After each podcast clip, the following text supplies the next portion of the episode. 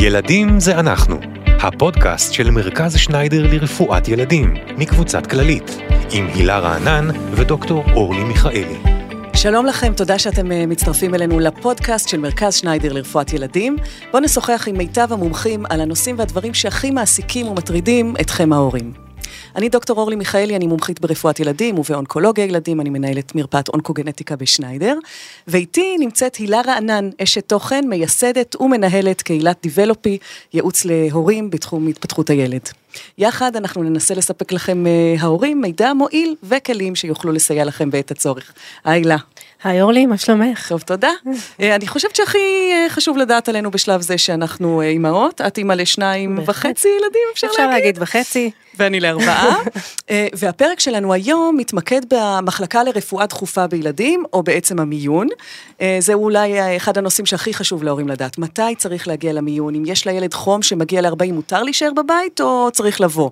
מה עושים שם בדיוק? מחליט, מתי מחליטים אה, שצריך אשפוז? מתי משחררים הביתה? נדבר על מה זו המחלקה לרפואה דחופה, באלה מקרים היא מטפלת.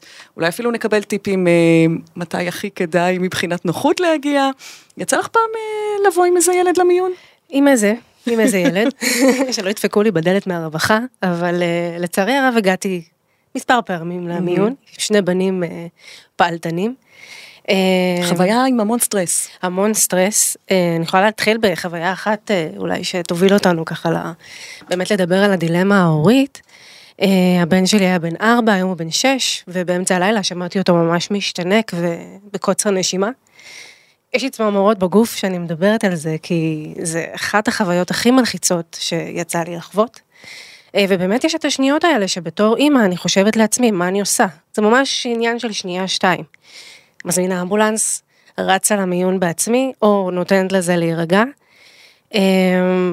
ראיתי את הבטח הזה שלו ככה קצת שוקע, ובאמת זה היה מאוד מלחיץ, והחלטתי להיכנס לאוטו ולנסוע. ובאוטו פתחנו את החלונות, וכשפתחנו את החלונות נכנס האוויר הקר, זה היה חורף באמצע הלילה, נסיעה של 15 דקות גג, והוא נרגע. ואז הגענו למיון, ובכניסה למיון עלתה שוב הדילמה.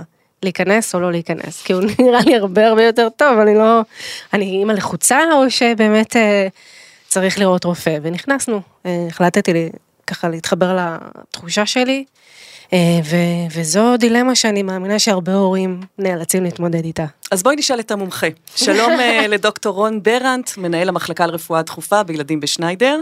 דוקטור ברנט השלים התמחות ברפואת ילדים והתמחות על ברפואה דחופה בילדים במרכז שניידר. אחר כך אה, נסעת לשנתיים לטורונטו, שם גם התמחית ברפואה דחופה בילדים וגם בפוקוס, שעוד מעט תספר לנו מה זה למען השם. היי רון. היי. אז נתחיל אולי לפני הסיפור של הילה, איך לקרוא למקום הזה, מיון או המחלקה לרפואה דחופה? טוב, זה אחת מהשאלות שבעיניי גם חשובות, כי זה בעצם מגדיר מי אנחנו. אם לרגע ננסה לתרגם, כשאתם בחו"ל, אתם לא אומרים אני הולך למחלקת טריאז', אני הולך ל-Emergency Medicine Department. ורפואה דחופה במדינת ישראל, מבין ההתמחויות, אחת ההתמחויות היותר צעירות, בילדים בכלל, היא הוכרה רק ב-2009, זאת אומרת, אנחנו מדברים על כמעט 15 שנה. ואנחנו רופאי רפואה דחופה. אנחנו לא, בעבר המיונים הישנים היה מיון פנימי ומיון אורתופדי ומיון כירורגי, הדבר הזה די נעלם מהעולם, ואני, כמו שציינת, בהתמחויות שלי אני רופא ילדים ואני רופא רפואה דחופה ילדים. זאת אומרת שלא משנה מה נכנס דרך הדלת, אני אמור לדעת להתמודד איתו במצבים הדחופים, בין אם זה מחלה פנימית במרכאות, כמו שציינת נגיד הילד, אני מניח שהיה לו סטרידור מהתיאור שלך, נכון. או אם זה זיהום, או אם הוא שבר את היד, או אם הם במצוקה נפשית, או אם זה בעיה אורולוגית, בכל הדברים האלה, כרופא רפואה דחופה, אנחנו יודעים לתת את המענה, ולכן השם הנכון הוא המחלקה לרפואה דחופה, מלר"ד, זה הקיצור שבכל זאת אנחנו עושים. אז, אז נשתמש בזה, בסדר גמור. אני עכשיו מודה תגיד, לכם. הילה הייתה צריכה לבוא או לא הייתה צריכה לבוא? מתי כן ומתי לא צריך לבוא למיון? אני אגיד, בתור התחלה, בלי קשר לכל מצב רפואי, אם להורים יש חשש שהילד באיזושהי סכנת חיים, אני תמיד מעדיף שיבואו, ואני ארגיע, ונגיד הכל בסדר, מאשר שיהיה מצב שבו ההורים אמרו כן לבוא, לא לבוא, וחס וחלילה קורה אסון בבית, ואז מה, הם צריכים לחיות עם הדבר, עם תחושה של אשמה. הי- אשמה, הייתי, איך אני לא באתי, כל הדברים האלה. זה התפקיד, דרך אגב, הרבה פעמים באים אלינו, ואנחנו מסתכלים על הילדים, ואומרים הכל בסדר, ואנחנו נותנים את פרופורציות, ואנחנו אומרים, זה, מזה תדאגי, מזה אל תדאגי. אני אומר, ילדים נולדים עם שליה, לא עם ספר הוראות. אז, אז בגלל זה אין, אין, אין, אין כזה textbook להורים שהם יודעים. יש לכם חשש, אתם לא יודעים, בשביל זה אנחנו פה, המחלקה לרפואה דחופה פתוחה 24 שעות ביממה, 7 ימים בשבוע, 365 ימים בשנה. אנחנו, זו המחלקה היחידה, אין אצלנו, אה, אתם יודעים, אה, תפוסה מלאה. כל מי שנכנס דרך הדלת יקבל את המענה. לפעמים צריך להמתין קצת יותר, באמת, אם יש אה, הרבה ילדים. ואנחנו כבר יודעים, אנחנו יודעים אה, לראות את הדחיפויות ולהגיד לאמא, גם אם האמא נגיד נורא נורא מודאגת והילד בסדר, את תקבלי את המענה, אבל ה- ה- כבר האחות, האחות הממיינת, שהיא באמת הטריאז', אז היא כבר תגיד, אוקיי, אתם בסדר, תצטרכו אולי קצת לחכות, אבל נראה אתכם, וניתן לכם את המענה, ונ- וניתן לכם את התשובות. במקרה שאת מספרת, הילד בקוצר נשימה, אמצע הלילה, את לא יודעת מה לעשות, בשביל זה אנחנו קיימים לגמרי בסדר שבאת, ומה זה בסדר? טוב שבאת. אז טוב בכל- שבאתי. כן.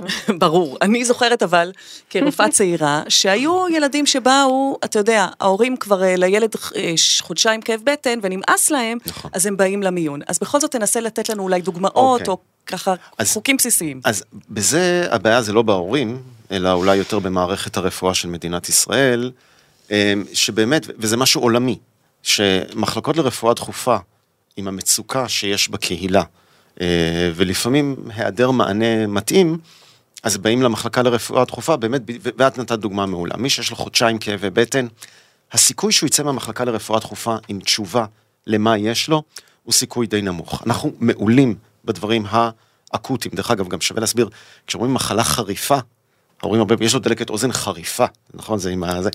המילה חריפה ברפואה משמעותה קורה עכשיו. חריף זה ההפך מכרוני, אוקיי? אה, וזה לא בהכרח מעיד על עוצמת המחלה. אז אנחנו נורא טובים במצבים החריפים, במה שקורה עכשיו. ונכון, יש לפעמים ילדים שבאים עם חודשיים כאבי בטן, שלושה חודשים כאבי בטן, ואנחנו כן מוצאים אצלם אבחנות נורא משמעותיות.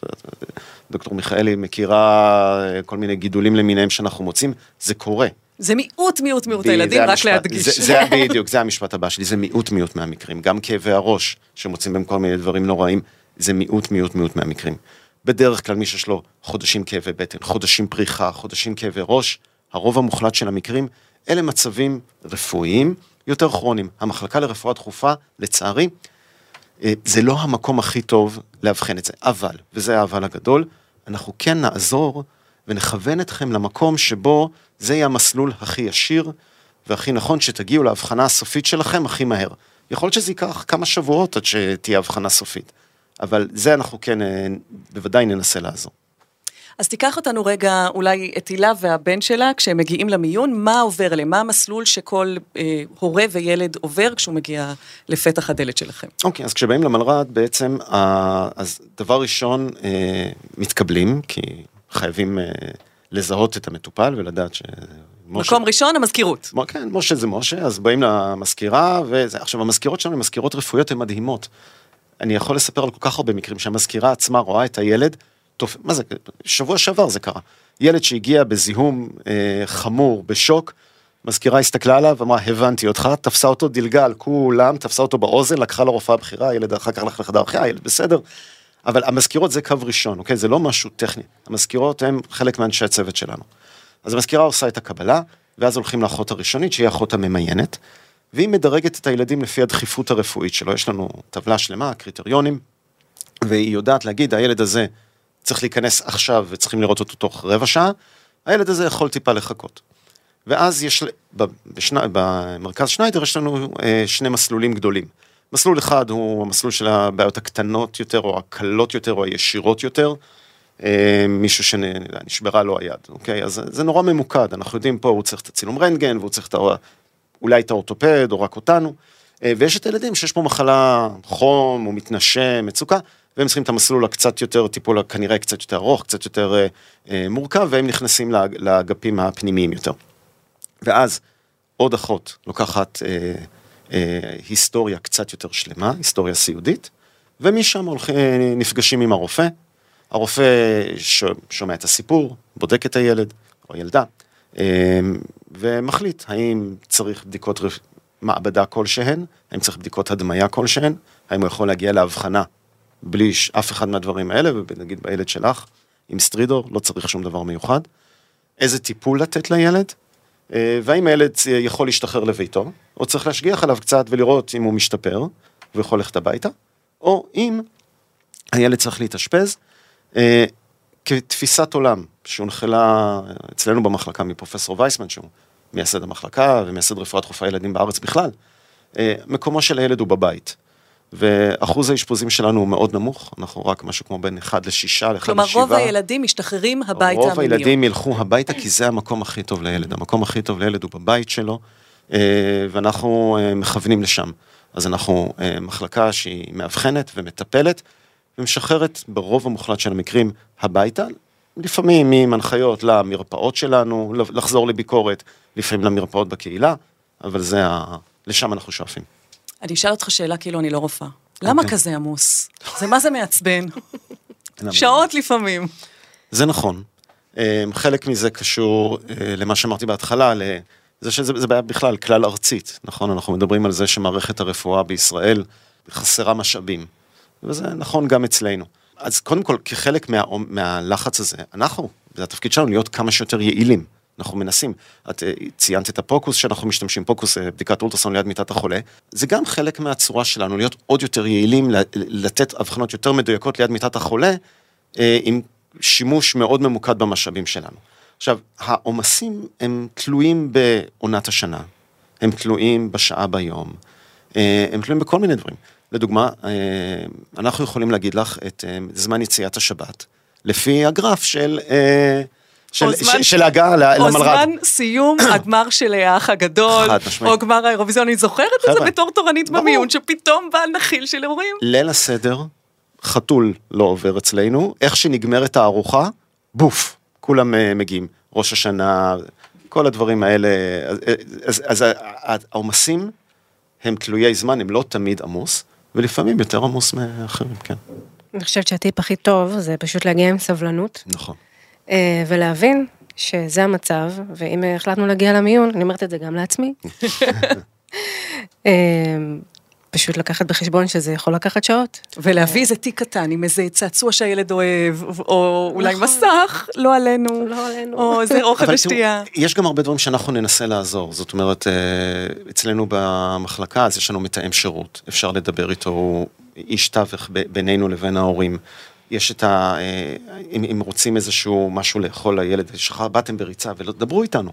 אנחנו נביא, אם יש איזה מעדן או שתייה, אנחנו ננסה לעזור כמה שניתן, אה, ואתם צודקים לגמרי שצריך את הסבלנות, ו... אבל, ואנחנו מנסים להגיע לכולם כמה שיותר מהר. התחלנו אה, לדבר על סטרידור. כן.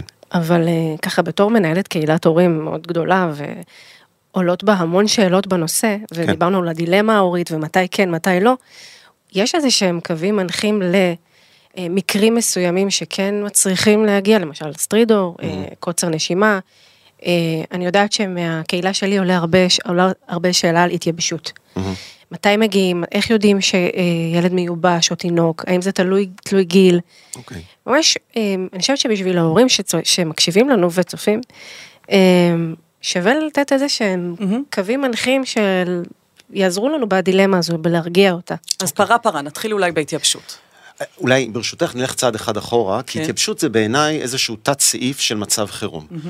ואם אנחנו, וזה מעקרונות של הרפואה הדחופה, כשאנחנו מלמדים איך להתייחס לילד במצב חירום, אנחנו אומרים צריך להתייחס לשלושה אספקטים עיקריים. וזה נכון לרופאים וזה נכון להורים.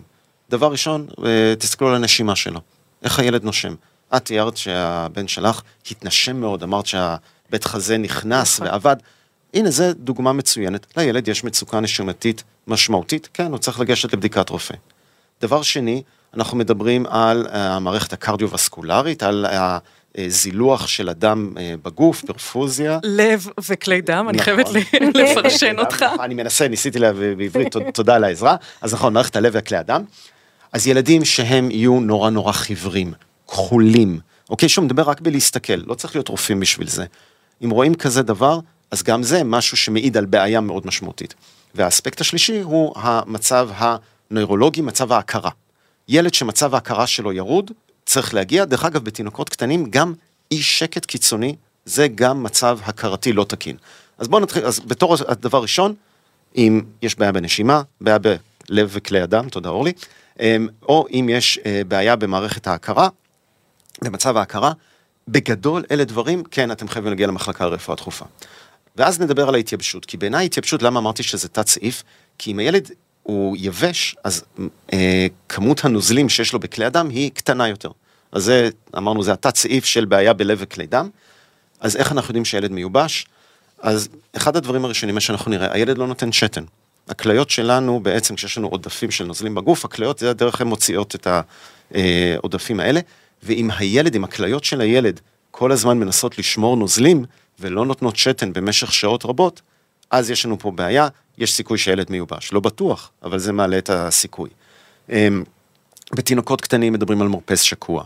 שוב, נחזור למצב הכרה, הכרה שלהם... מרפס, אני רק רוצה להסביר שזה הרווח שבגולגולת שיש לתינוקות. קטנים, ואז בעצם אפשר להרגיש את השקע הזה, שלא אמור להיות שקוע מדי, כמו שאתה שקוע, אומר, בדיוק. בין עצמות הגולגולת. נכון. אמ, ואמרנו, מבחינת מצב הכרה, ילד מיובש, אז בהתחלה הוא יהיה באי שקט נוראי, ולאט לאט הוא גם ישקע, הוא יגיב פחות. אז אלה דברים שהורים יכולים לראות בהחלט, ולהעריך את מידת ההתייבשות. אוקיי. חבלות ראש, זה משהו שאני זוכרת שתמיד הורים התלבטו איתי, נכון. הילד נפל מהמיטה, נכון. קיבל מכה בראש, כן לבוא למיון או לא לבוא למיון? א', זה תלוי גיל. זה תלוי גיל, כי מתחת לגיל שלושה חודשים, ילד שנפל קיבל מכה, תבואו למחלקה לרפואה דחופה, חד משמעית. אוקיי? זה גיל שאנחנו יודעים שגם עם מיעוט סימנים יכולים להיות דימומים אה, משמעותיים, תגיעו. בין גיל חצי. בין גיל שלושה חודשים לגיל שנתיים, אפשר להתחיל עם הרופא ילדים בקהילה. הסימנים ששוב, שיהיו דגלים אדומים, זה ילד שלא מפסיק להקיא. כי אם ילד נחבל בראש, מקיא פעם, פעמיים, אבל סך הכל אחרי זה הוא בסדר, הוא כנראה בסדר. וילד שמקיא, ומקיא, ומקיא, זה איזשהו דגל אדום. ילד שבעקבות החבלה איבד הכרה. איבד הכרה למשך זמן, אמ, זה גם כן זה דגל אדום. זאת אומרת, גם אם הוא התאושש, אבל אם הוא היה חמש דקות ללא הכרה, זה סימן שצריך לבוא למיון. יותר מדקה. ילד שיותר מדקה היה בלי הכרה, להגיע למחלקה לרפואה דחופה. אמ, ומעניין לציין דווקא, אם לפעמים ילדים אחרי חבלת ראש עושים פרכוס קצר. אז זה נורא מפחיד, תבואו אלינו, אבל רק להרגיע, פרכוס אחרי חבלת ראש הוא לא אה, מדד לזה שהחבלה חמורה יותר. אוקיי? הרגעת עכשיו כמה וכמה הורים. לא. אם, אם היה מישהו שילד פרקס ומשוכנע, קרה משהו, לא, זה משהו, ד- דווקא זה הוא לא מדד אה, מנבא רע. אז זה לגבי החבלת ראש. מתי ילד עם חום צריך להגיע למיון? אוקיי. שוב, אה, דרך אגב, בבית ספר לרפואה אמרו לי, כל שאלה שאת שואלים אותך, אה, התשובה תמיד צריכה להתחיל בתלוי. התשובה היא מתחילה בתלוי. אה, וזה תלוי בג- קודם כל בגיל הילד. אז תינוק מתחת לגיל חודשיים עם חום, וחום זה יותר מ-38 מעלות במדידה בישבן, וכן בישבן, יש, פעם הגיע אולי, יש מדבקות כאלה, שעם כמו ארבע, נקודות, ותלוי איזה נקודה זוהרת, לפי זה יודעים את החום של הילד, אין לי מושג מאיפה הביאו את זה, אבל זה... מאלי אקספרס. אה, יכול מאוד להיות. באתי להגיד. מאוד יכול, נשכתי את השם. מאוד יכול להיות, אבל אה, אז אנחנו, אז זה פחות אמין. אה, מדידה בישבן, ואם רוצים ככה להשקיע ולקצר, אז יש כאלה שתוך חמש שניות נותנים את התשובה. מעל 38 מדידה בישבן, מתחת לגיל חודשיים, בואו למחלקה לרפואה דחופה. דרך אגב, גם במדינת ישראל זה מוכר כסיבה להגיע בלי הפניה, לא צריך הפניה, לא צריך כלום, אין לזה תשלום. אה, כי אלה ילדים, תינוקות שצריכים ברור. תינוקות קטנים עם חום יכולים לעשות מחלה אמיתית, משמעותית, שההסתמנות היחידה היא חום, ולכן תבואו אלינו.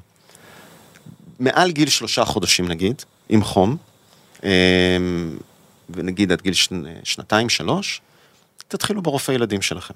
כמובן הכל בהתניה שמה שדיברנו בהתחלה, שמצב הנשימה בסדר, שנראה שהמערכת לב וכלי דם בסדר ושההכרה בסדר, לכו לרופא ילדים שלכם, יש לנו רופאי ילדים מצוינים בקהילה, ובירורי החום הרגילים, הסטנדרטיים, בהחלט אפשר לעשות בקופת החולים, רצוי לעשות בקופת החולים.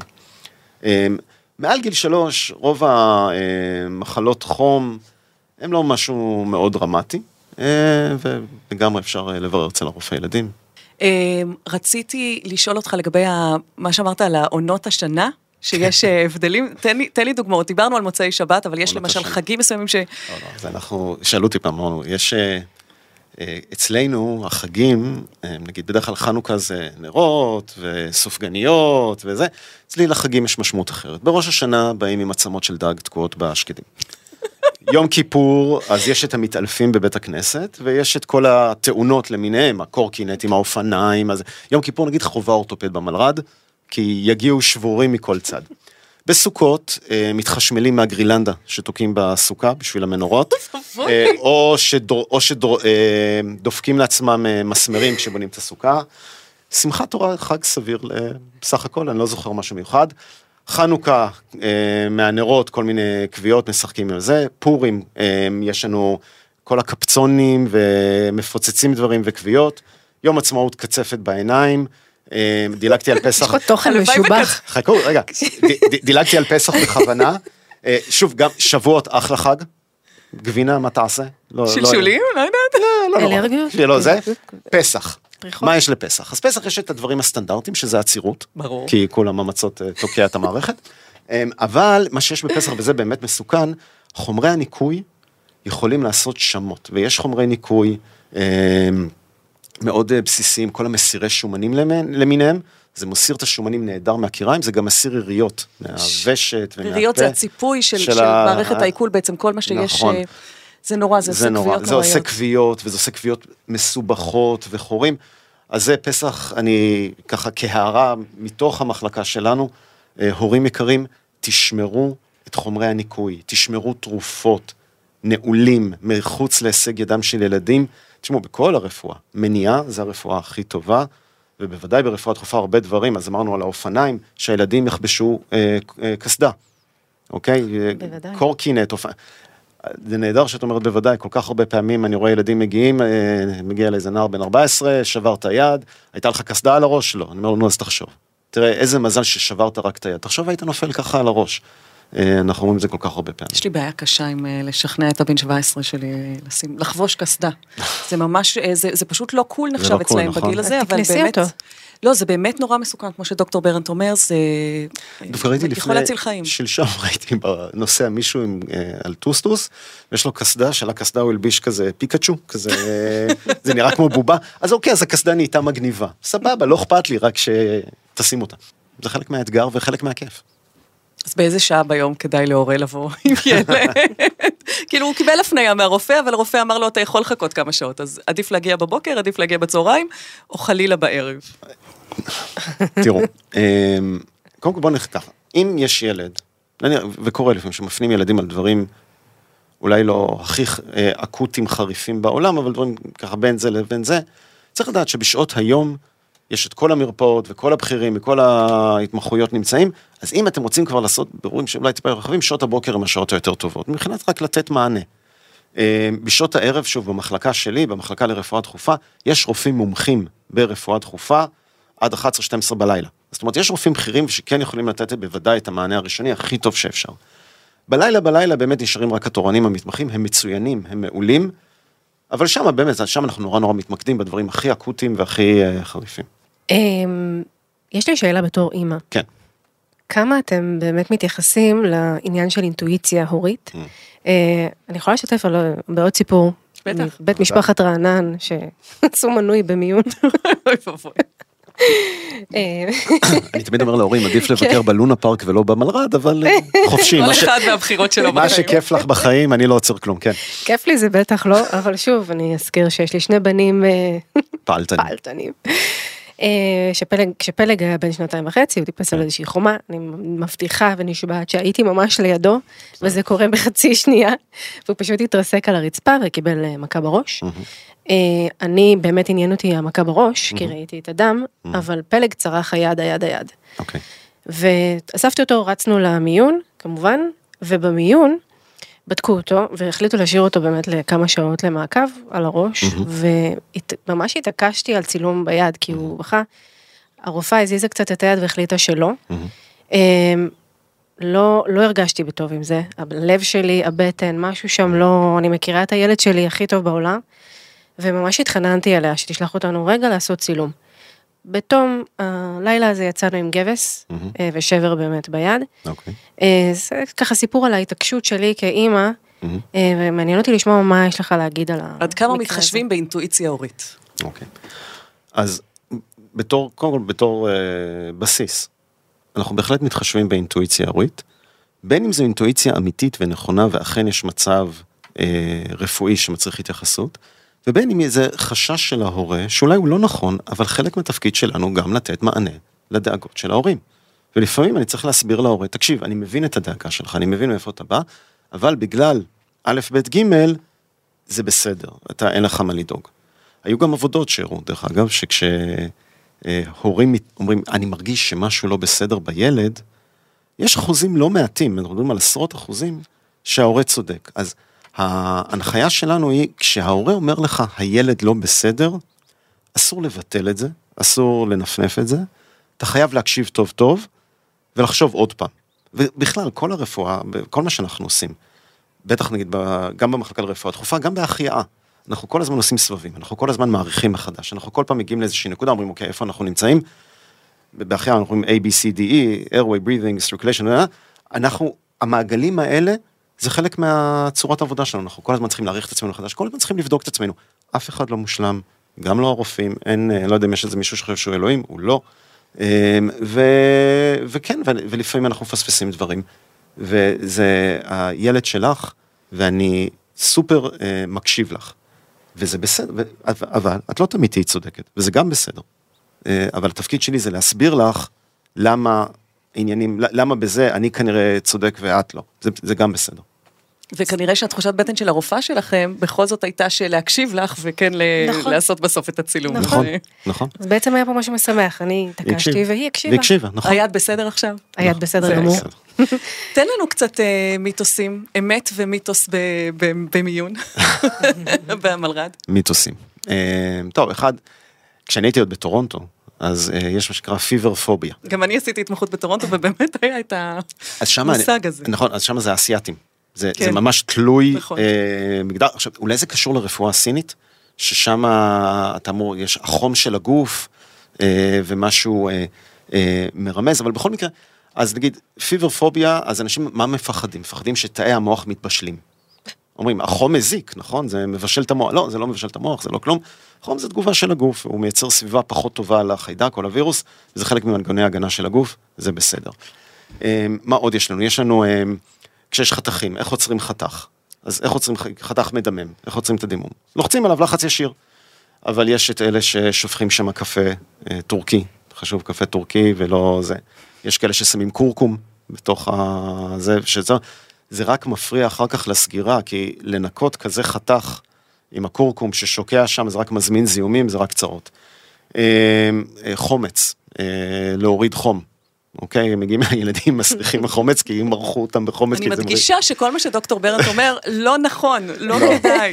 לא נכון. עכשיו, תראו, אם אתם רוצים את האנקדוטות הפיקנטיות, לפני משהו כמו נגיד חודשיים, הגיעו אליי הורים עם ילדה בת ארבע, שלילדה היה דלקת אוזן, ושאלתי, אוקיי, ואיך מטפלים בדלקת? אז אנחנו עושים טיפות אוזן, טיפות הומאופתיות, ובעלוקה. עלוקה. עלוקה. אוקיי. זה בערך... איפה שמים את העלוקה ואיך הם השיגו אותה? או, יפה, אז זה הרבה שאלות. אז גם אני שאלתי, עלוקה? אז אמרו, כן, עלוקה, אתה לוקח את העלוקה, אתה שם אותה על הטבור, אחרי חצי שעה היא גומרת לנוק, אה, למצוץ את הדם והיא נושרת, והחום יורד. אמרתי, אוקיי, בסדר. ומה, למה באתם עכשיו? לא, כי הפעם בדרך כלל היא נושרת ויוצא קצת דם, הפעם לא יצא דם, אז אנחנו באנו. אמרתי, רגע, ולילדה יש חום? לא, שמנו עלוקה. זה עבד. במקרה הספציפי הזה, אם שמנו עלוקה, לילדה היה בקע טבורי. אז העלוקה עשתה לה חור בדרך הבקע, אה, זה היה ניתוח קטן, אה, קראתי לכירורגים המעולים שלנו. לא, חלק מהמיתוסים. אבל, אבל יש מיתוסים שמזיקים, זה העניין. אז, אז לדוגמה, המיתוס הזה ממש לא טוב, המיתוס של הקפה והכורכום בחתכים, זה ממש לא טוב. יש דברים, תראי, אני אומר להורים, אם אתם מאמינים שלהחזיק מלפפונים ביד יעזור לילד, שיחזיק מלפפונים, לא אכפת לי. כל עוד... אה, יש לי אחד בשבילך. כן. אני חושבת שהוא מאוד נפוץ, אני רואה אותו ככה רץ ברשתות. כן. אה, שום בטוסיק. היה לי במיון, היה לי. אוי, לא, שום בטוסיק, אבל תגידי למה? לתולעים. לתולעים. לתולעים, אוקיי. אמ, מחוויותיי האישיות, אמ, בבת שלי, אני לא זוכר את הבת או הבן, לא משנה, אחרי הראשון, אחרי אה, ששוב ושוב נדבקו בתולעים, אז לאימא נמאס, והיא אומרת, טוב, אתה עם הוורמוקס שלך, זה לא עוזר כלום. בכלל פיטרו אותי בתור רופא אלף פעם, בתור אה, אבא.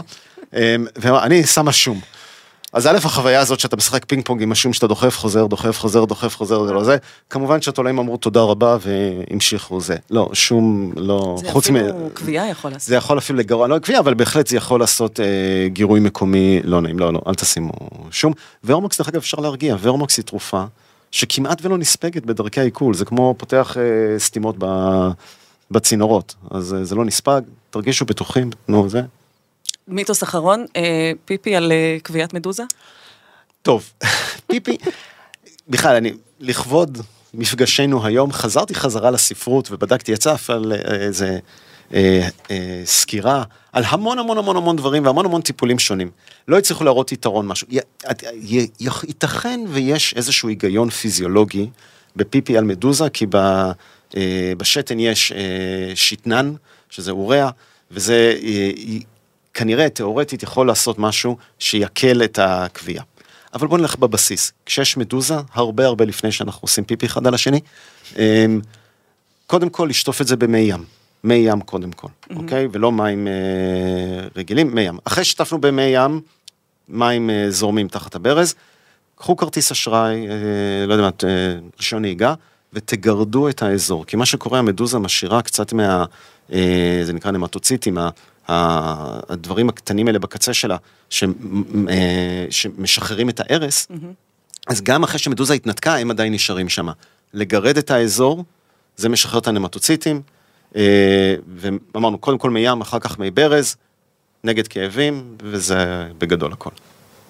טוב, אנחנו לקראת סיום, אני רציתי לשאול אותך מה הלאה, האם אה, המלר"ד או התחום הזה של רפואה דחופה בילדים אה, הולך אה, להשתנות, אה, מה צפוי בו, מה השתנה בשנים האחרונות? אז התחום כל הזמן נע קדימה. אה, אחד הדברים הגדולים שקרו באמת זה השימוש ב point of care ultrasound שהזכרנו מקודם.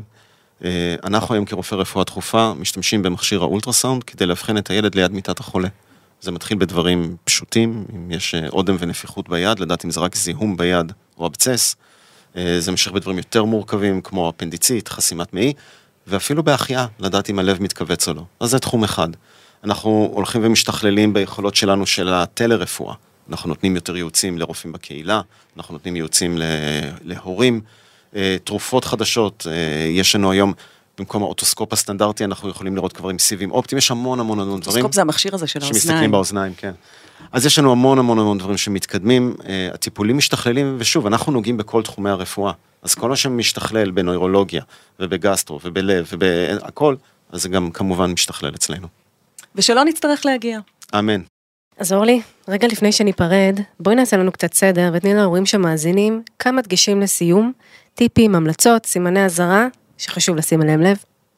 אז רון, תקן אותי אם אני טועה, בעצם למדנו שצריך להגיע למחלקה לרפואה דחופה, כשבאמת יש משהו דחוף, משהו שקרה בזמן האחרון, חריף מה שנקרא, לא תמיד נעים שם, לפעמים יש שם תור ארוך, ולכן בעצם אין טעם להגיע למשהו שנמשך הרבה זמן ואפשר לברר אותו בקופת חולים, אבל אם קיבלתם הפניה מהרופא שלכם, ברור שתבואו, אל תחכו להפניה, אם יש מצבים דחופים, כמו שאמרנו, תינוק שרק נולד ויש לו חום, חבלה כלשהי, חשש לשאיפה של גוף זר או בליעת תרופות שציינו, וכמובן, כל מצב פתאומי שמפחיד אתכם, כמו שאמר אה, דוקטור ברנט, שינוי בנשימה, שינוי במצב הכרה שיכול להיות גם אי שקט קיצוני, ושינוי בצבע בעצם, נכון. אה, שמעיד על התפקוד של הלב. בקיצור, הבנתם? ולמדנו גם שלא משנה מה השכנה אמרה לכם שיעזור, במיוחד אם יש מצב שזה מסוכן, כדאי אולי להימנע.